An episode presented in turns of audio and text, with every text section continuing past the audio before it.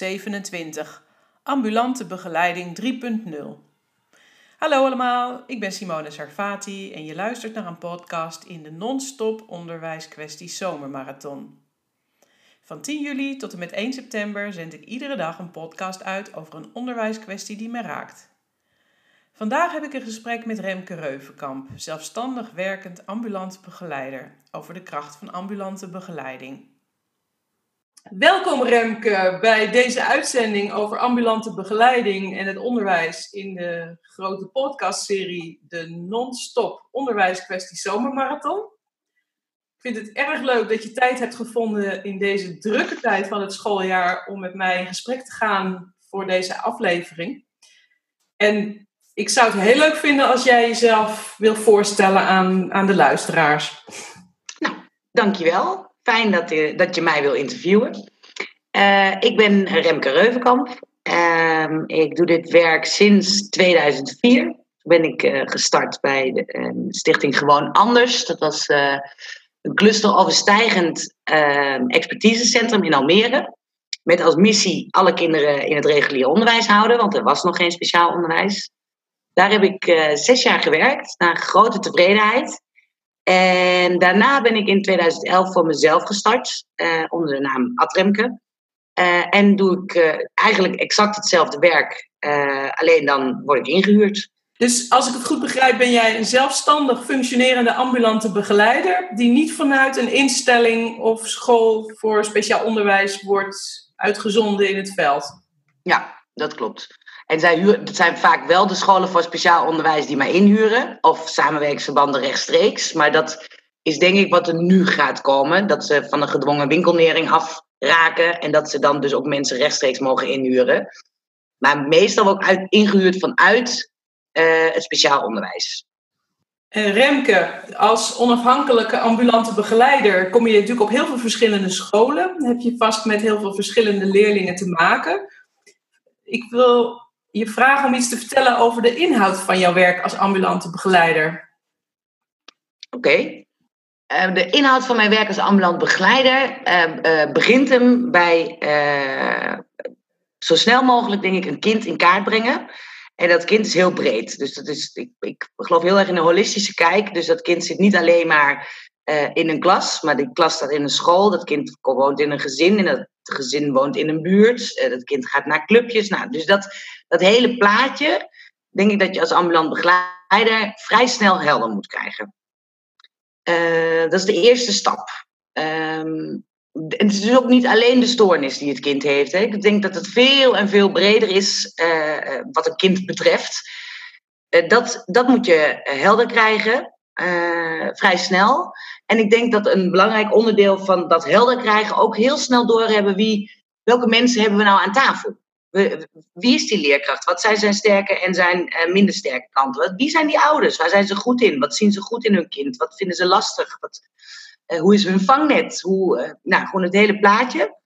Um, ik denk dat dat een belangrijk onderdeel van mijn inhoud is. En, en, en, verder is het heel erg vraaggestuurd. Wat, wat is de vraag van de mensen die rondom dat kind functioneren?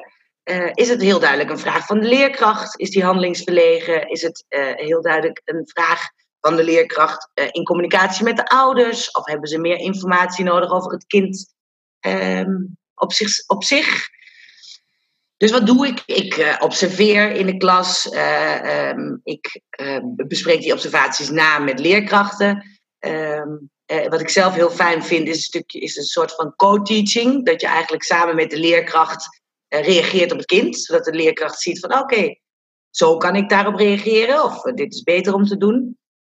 Um, wat ik erg leuk vind als het, zeg maar het kind, bijvoorbeeld ik werk veel met kinderen met gedragsproblemen, als het kind uh, in, een, in een klas zit waar het veel invloed op heeft, dan vind ik het heel erg leuk om met de leerkracht een plan te maken om die hele klas aan te pakken. Om dus te kijken, uh, beweeg je genoeg met deze klas? Uh, is er genoeg structuur in de klas? Uh, zijn ze gevoelig voor regels? Als het duo's zijn, zijn die regels goed met elkaar afgestemd? Worden ze gehandhaafd? Je, dat soort, ja, dat is ook, ja, eigenlijk is het heel veelzijdig, omdat ik ook met verschillende soorten kinderen werk natuurlijk. Eh, en het hangt heel erg af van wat er nodig is in een traject, hoe eh, de inhoud van mijn werk is. De inhoud is altijd gericht op alle partijen rondom het kind uh, laten samenwerken. Waar doe je dat? In primair onderwijs of ook op het voortgezet onderwijs? Nou ja, dat wisselt. de afgelopen twee jaar heb ik eigenlijk alleen op het primair onderwijs gewerkt, maar daarvoor was ik ook werkzaam op het voortgezet onderwijs. En dat is natuurlijk een hele andere inhoud. Dan heb je toch ook minder uh, met ouders te maken in het voortgezet onderwijs. En ik merkte dat wat de inhoud daar was sneller dat, dat het kind begeleiding nodig had. En dat zie ik in het, in het primair onderwijs minder. Daar is het meer dat de leerkracht of de ouders of de school en minder het kind. Dus daar, zit ik niet met een kind een werkstuk te maken, terwijl ik dat op uh, uh, 6 VWO wel gedaan heb. Nou, dat heet natuurlijk niet een werkstuk.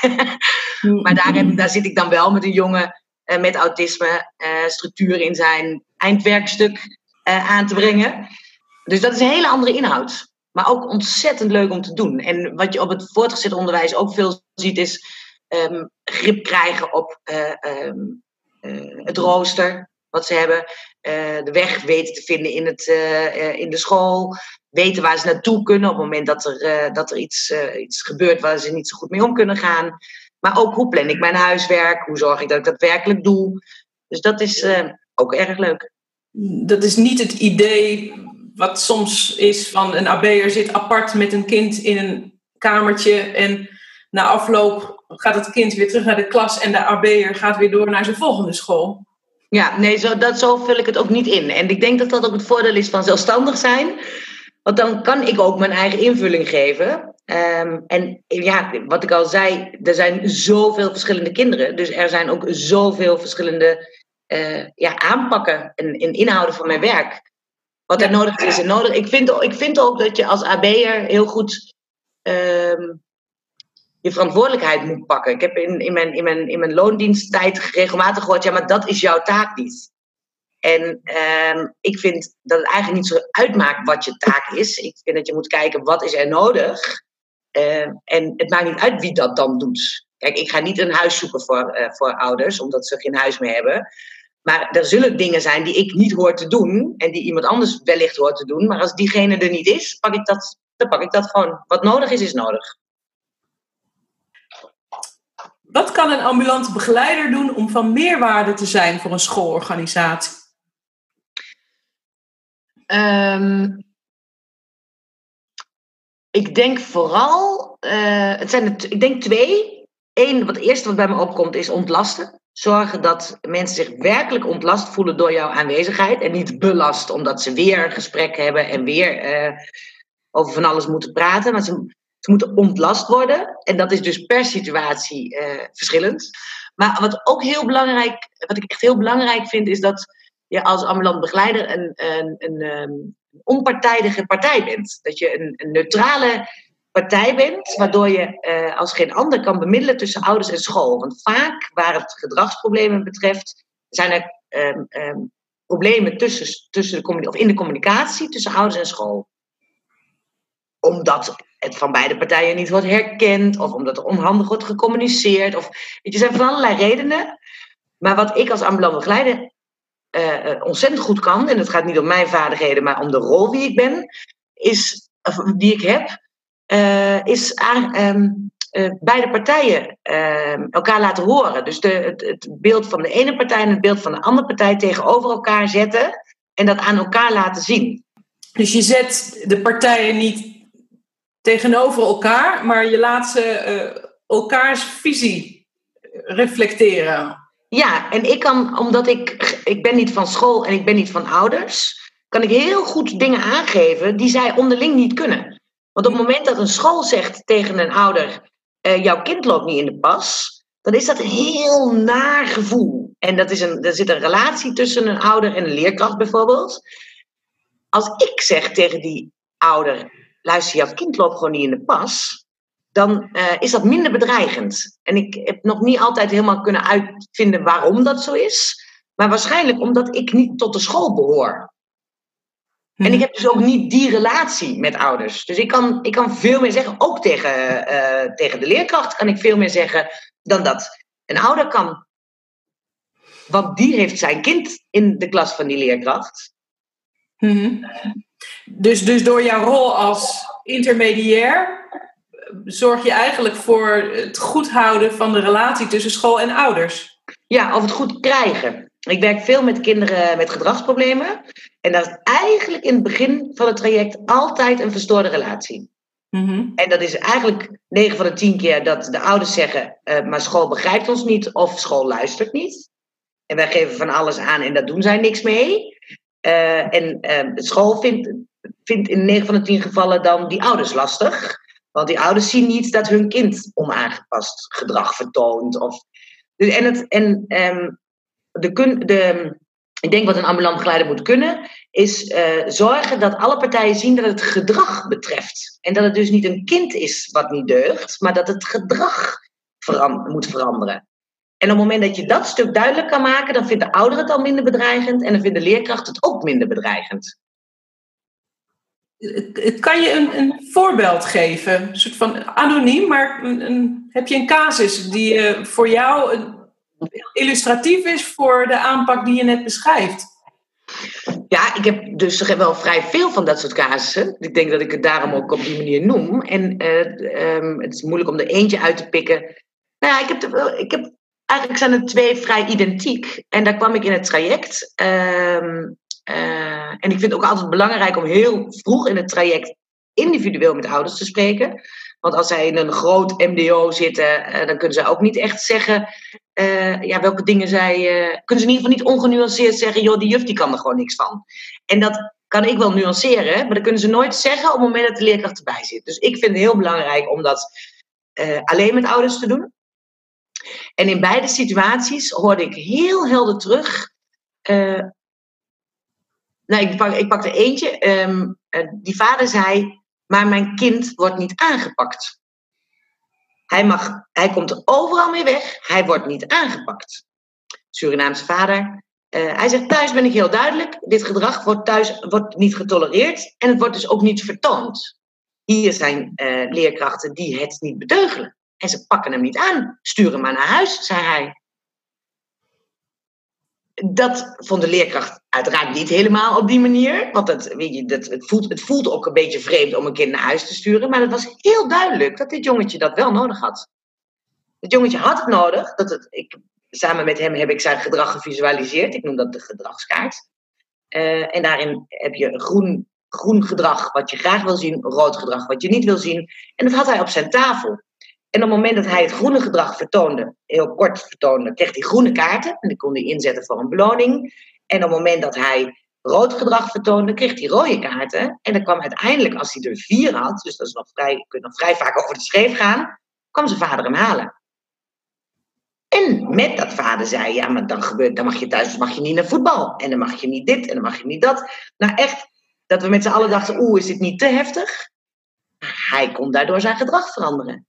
En vader bleef zeggen, hij moet strenger aangepakt worden. En vader had gelijk. Terwijl, wij, terwijl dat, hij zei het eigenlijk heel duidelijk. maar ja, wat ik gemerkt heb in dat traject, is dat vader zei, jullie pakken hem niet streng genoeg aan. En dat de leerkracht het gevoel had, hij zegt, ik kan het niet. Of hij zegt, hij doet het niet goed. Maar dat was niet zo. Eigenlijk gaf hij aan, ik ga thuis anders met hem om zoals jullie met hem omgaan, hij is niet gewend om op die manier gecorrigeerd te worden. Het moet veel duidelijker voor hem zijn.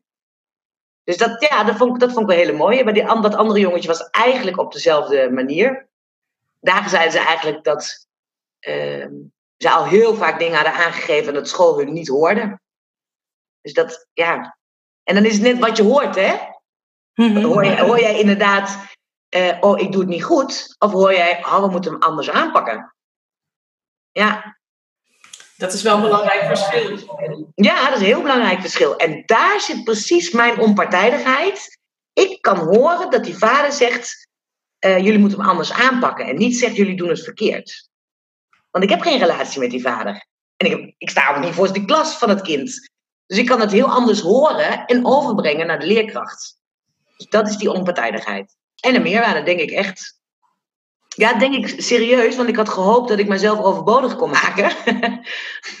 want dat leek me geweldig, hè? Dat scholen, gewoon, die, scholen bouwen steeds meer expertise op, kunnen steeds beter met verschillende um, stoornissen, om het zo maar te zeggen, mag, mag waarschijnlijk niet meer redden het woord, uh, omgaan.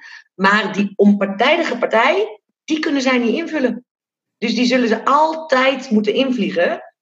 Um, om, om in een conflict situatie, het liefst daarvoor, uh, om daar weer uit te kunnen komen. Heb jij als ambulante begeleider een rol bij de samenstelling van een onderwijsarrangement voor kinderen? Nou, merk, ik zit in verschillende samenwerkingsverbanden, dus dat is uh, ook wisselend per samenwerkingsverband. Maar daar is ook het, naam, de, het woord onderwijsarrangement uh, heeft een verschillende betekenis. Bedoel jij met de samenstelling van een onderwijsarrangement dat je bijvoorbeeld een zwaar arrangement is speciaal onderwijs, een uh, medium arrangement is een, een, tussenvoorziening en een, uh, een licht arrangement is begeleiding in de klas? Ja, op het moment dat de basisondersteuning niet genoeg is voor een leerling, worden er extra maatregelen genomen. En ja. er op heel veel verschillende manieren uitzien. Het wordt ook in het hele land door samenwerkingsverbanden eh, heel verschillend ingevuld. Als ambulante begeleider ben jij van aanvullende expertise op de basisondersteuning. Dus dan valt die onder de extra ondersteuning in de meeste gevallen. Kom jij binnen als dat arrangement al duidelijk is, als men al heeft bedacht van nou we willen gewoon drie keer in de week eh, die mevrouw voor die leerling of voor die klas. Of heb jij zelf inspraak in de vormgeving van zo'n arrangement? Ja ik, ja, ik snap wat je bedoelt. Nee, ik kom, ik kom binnen op het moment dat er nog weinig duidelijk is. Dus echt de vraag van help ons duidelijk krijgen waar wij behoefte aan hebben. En dan heb ik zeker uh, invloed op de invulling van het arrangement. Als jij betrokken bent in een traject en jij krijgt steeds meer helder waar het probleem zit bij het kind. Uh, voorbeeld, hoogbegaafd jongetje uh, zeer hoogbegaafd jongetje, 145 plus, maar met extreme gedragsproblemen en hij blijft met lezen bijvoorbeeld achter. Dan heeft hij uh, langdurig ehm, RT voor lezen gehad. Maar het begint al het eerste half uur dat hij wil bepalen welk boekje hij leest. dus het zit hem helemaal niet in dat lezen. Het zit hem in uh, hoe leer je leren? Hoe, hoe, hoe krijgen we dit kind dat hij minder gefrustreerd raakt? Op het moment dat het niet exact gaat zoals hij wil, hoe kan hij omgaan met fouten? Nou, noem het, eh, dat stukje, dat kan een, uh, een, een reguliere RT'er helemaal niet aanpakken. Dus dan is er binnen het samenwerkingsverband zijn er altijd wel mensen die, die zeer gespecialiseerd zijn in hoogbegaafdheid. Uh, en die betrekken we dan op het traject. En dat, gaat, dat, dat hoeft dan niet altijd via mij te gaan. Want de, um, een ambulant begeleider kan ook trajectbegeleider zijn. Maar het kan ook zijn dat er naast een ambulant begeleider een trajectbegeleider is. En dan is dat degene die het traject begeleidt. Dus op een gegeven moment zegt: laat ons een, een, een hoogbegaafde expert invliegen. Of uh, er is psychologisch onderzoek gedaan, want anders kom je er niet achter dat hij zo hoogbegaafd is. Die persoon kan ook weer mensen aandragen binnen het traject. Dus ja, eigenlijk zoeken we dat samen uit. Maar mijn, mijn contact is dan met de IB'er. Dat, ik dat ik aangeef van dit is het volgens mij nodig. Uh, en dat wordt dan door de IB'er aangevraagd. Je hebt dan een soort makelaarsfunctie. Ja, nou ja, bijna wel. En soms voel ik me ook een soort uitzendbureau. Alleen het verschil met een ander uitzendbureau is dat je, uh, wat, ik, wat ik in ieder geval wel altijd probeert te doen, is de inhoud van de begeleiding helpen bepalen. Kijk, zoals met zo'n hoogbegaafde, als daar iemand opgaat die, die gespecialiseerd is in hoogbegaafdheid, ga ik mij niet met de inhoud bemoeien. Geef ik hooguit aan wat ik in gedrag uh, aan doelen zou uh, formuleren. En kijken of, of die persoon daar um, uh, iets in kan betekenen. Maar ik werk ook bijvoorbeeld met kinderen met syndroom van Down. En dan vind ik het heel interessant om samen met de RT'er, de gespecialiseerde uh, gespecialiseerde RT'er te kijken wat zijn de doelen, hoe kun je daar nou het beste aan, aan werken. En zij komen dan ook naar mij terug van joh, ik loop hier tegenaan, heb jij, denk eens mee. Dus dat is, uh, ja, dat, dat stukje voelt soms wel als een uh, soort uh, ja, uitzendbureau meer dan een makelaar. Drie jaar geleden ging de wet passend onderwijs in. Toen werkte jij ook al als, voor die tijd werkte jij ook al als AB'er en je hebt twee periodes van voor de invoering van de wet passend onderwijs en die daarna.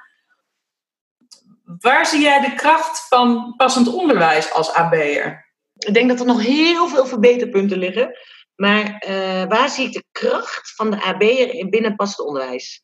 Ik denk dat het meer dan ooit uh, belangrijk is dat de AB'ers, leerkrachten, blijven overtuigen, of, proberen te overtuigen, wat het belang is van integratie. Ik heb het idee dat dat ook belangrijker is geworden dan uh, het zeg maar vijf jaar geleden was. Toen leek iedereen de, de, het belang van integratie wel te zien. Kan jij integratie toelichten, wat je daaronder verstaat? Uh, ja, zeker. Ik, ik geloof in inclusief onderwijs. Dus het, wat ik het mooiste zou vinden is dat al het speciaal onderwijs uh, er niet meer is. En dat het geld en de uh, kennis, de expertise vanuit het speciaal onderwijs naar het regulier onderwijs gaat. En dat we dus dat met elkaar doen. Dus dat ieder kind, ongeacht zijn handicap of mogelijkheden, beperkingen, gewoon om de hoek naar school kan. Dus in de buurt naar school kan. Um, dat kunnen doen, dat met elkaar kunnen doen, betekent dat je een geloof moet hebben in integratie. En integratie is dat niemand dus uitgesloten wordt of dat niemand uh, met een busje ergens naartoe hoeft, maar dat je het echt samen doet. Dat je samen de verantwoordelijkheid draagt voor de hele buurt eigenlijk, zeg maar. Dat vind ik integratie. Dus de kracht als AB'er in passend onderwijs zit hem in die integratie onder de aandacht te brengen en te ondersteunen. Begrijp ik dat goed? Ja, en, en um, uh, ik, weet je, ik denk dat een leerkracht uh, tegenwoordig het, het uh, niet makkelijk volhoudt als die niet het belang van integratie inziet. En weet dat de andere kinderen in zijn klas, of haar klas, enorm profiteren, of enorm groeien en enorm ontwikkelen van het hebben van een gehandicapt kind in de klas.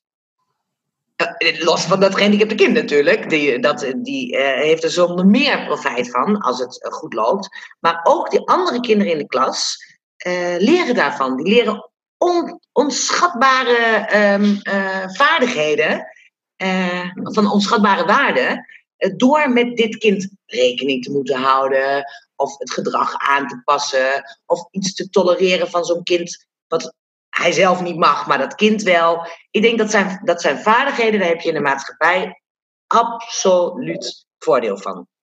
En dat um, moet de leerkracht zien, anders wordt het te zwaar. Dus ik denk dat daar de kans van, voor de AB'en ligt voor uh, passend onderwijs. Wat vind je eigenlijk van passend onderwijs? Nou, ik vind het principe echt fantastisch. Ik sta er helemaal 100% achter.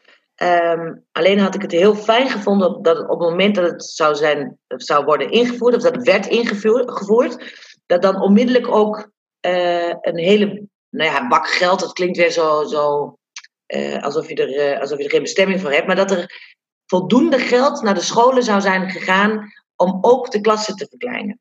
En ik weet wel dat het ongelooflijk ter discussie staat of dat nou werkelijk werkt, het verkleinen van de klassen. Maar ik weet wel dat op het moment dat jij een klas hebt van 35 kinderen en daar zit er eentje in met autisme, uh, dan is het al bijna niet meer te doen. Want dat kind kan namelijk niet, zich niet handhaven in een klas van 35.